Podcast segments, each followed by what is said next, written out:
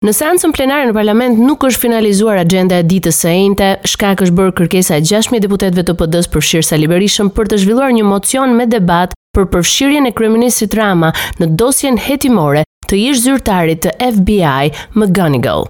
Kërkesa u rrëzua nga socialistët, vendim që solli dhe ashpërsimin e debatit. Pas disa thirrjeve për të liruar foltoren, kryeparlamentarja Lindita Nikolla përjashtoi nga seanca Sali Berishën me masë disiplinore. Jashtë seancës plenare para gazetarëve, ai akuzoi kryeministrin Rama si bashkëpunëtor të ish-zyrtarit të FBI. Ai gjithashtu komentoi thirrjen e SPAK-t për djalin e tij në çështjen e Gërdecit. Ky kryeministër me veprimet e tij ka vënë në kërcënim, në rrezik Sigurinë e Shteteve të Bashkuara, sigurinë e NATO-s, sigurinë e botës lirë.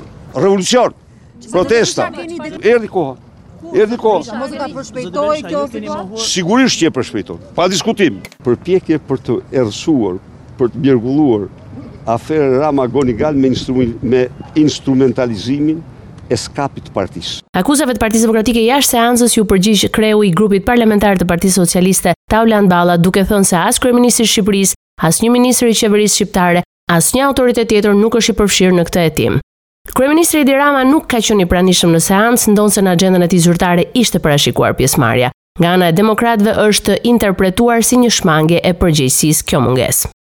Kryeministri Rama ka mohuar të ketë lidhje me çështjen McGonigal, për të cilën në Shtetet e Bashkuara të Amerikës ka nisur një hetim ndaj ish-drejtorit të kundërzbulimit në FBI. Përmes një deklarate të shpërndarë në orët e vona të mbrëmjes së të enjtes, Rama tha se paratë që McGonigal ka marrë nuk janë para lobimi, por një borxh që Agron Neza ja ka dhënë ish-zyrtarit të lartë të FBI. Rama hodhi poshtë si fantazi dhe ligësi akuzat e ngritura nga opozita, përfshirë edhe atë që ka shpallur investitor strategjik njeriun më të afërt të presidentit rus Vladimir Putin. Pas akuzave të opozitës, Rama tha se sheh hallin e madh të kësaj të fundit në dyert e gjyqësorit për çështje të nxehta siç është njëzet e një janari dhe Gërdeci. Sipas tij, të gjitha këto dosje kërkojnë drejtësi dhe nuk ka teori konspiracioni që i varros në harresë. Shkëlzen Berisha, djali i ish-kryeministrit Berisha, është paraqitur në SPAK të enjten, ku është pyetur si person që mund të ketë dijeni për rrethanat e hetimeve në dosjen Gërdeci. SPAK pyeti Berishën për një shënim mbi një faks të Ministrisë së Drejtësisë vite më parë, ku shkruhej emri i tij dhe kontaktet me Ministrinë e Drejtësisë, apo dhe ish-ministrin e Mbrojtjes Fatmir Mediu. Në përfundim të marrjes në pyetje, Shkëlzen Berisha i tha medias se ai nuk ka asnjë lidhje me atë shkresë dhe i kërkoi prokurorisë të hetojë se kush e ka bërë shënimin. Për çështjen Gërdeci, SPAK ka marrë të pandehur ish-ministrin Fatmir Mediu, ka pyetur më herët edhe ish-ministrin e Drejtësisë Aldo Bumçi. Gjykata Kushtetuese ka rrëzuar kërkesën e opozitës për ndërprerjen e mandatit të deputetit ministres së Jashtme Olta Xhaçka pas shqyrtimit në seancë plenare të çështjes.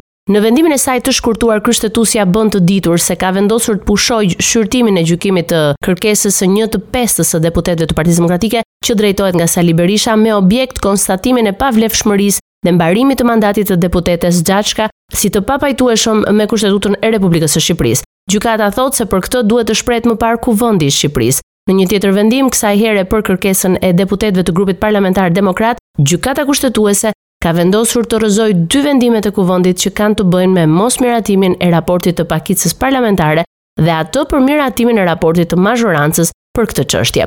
Opozita i kërkoi Kuvendit që t'i heqë mandatin deputetes Xhaçka me argumentin se ajo nëpërmjet bashkëshortit të saj ka fituar statusin e investitorit strategjik duke përfituar pasuri publike në kundërshtim me ligjin. Pas rastit në Shkodër janë çmontuar 47 kamera të paligjshme në Durrës, Shijak dhe në Krujë. Policia bën me dije se janë 8 persona të dyshuar për montimin e këtyre kamerave, nga këta 2 në Durrës dhe 6 në Shijak. Vijon puna për zbardhjen e plotë të qëllimit të vendosjes së kamerave në Nikël dhe në Krujë si dhe për identifikimin dhe procedimin penal të shtetasve që i kanë vendosur këto kamera. Sipas të dhënave të INSTAT, numri i shtetasve të huaj që hynë në Shqipëri gjatë vitit 2022 është rritur me 32.6% në krahasim me vitin 2021. Por në të njëjtën periudhë, numri i shqiptarëve që udhëtuan jashtë ka shënuar rritjen më të ndjeshme.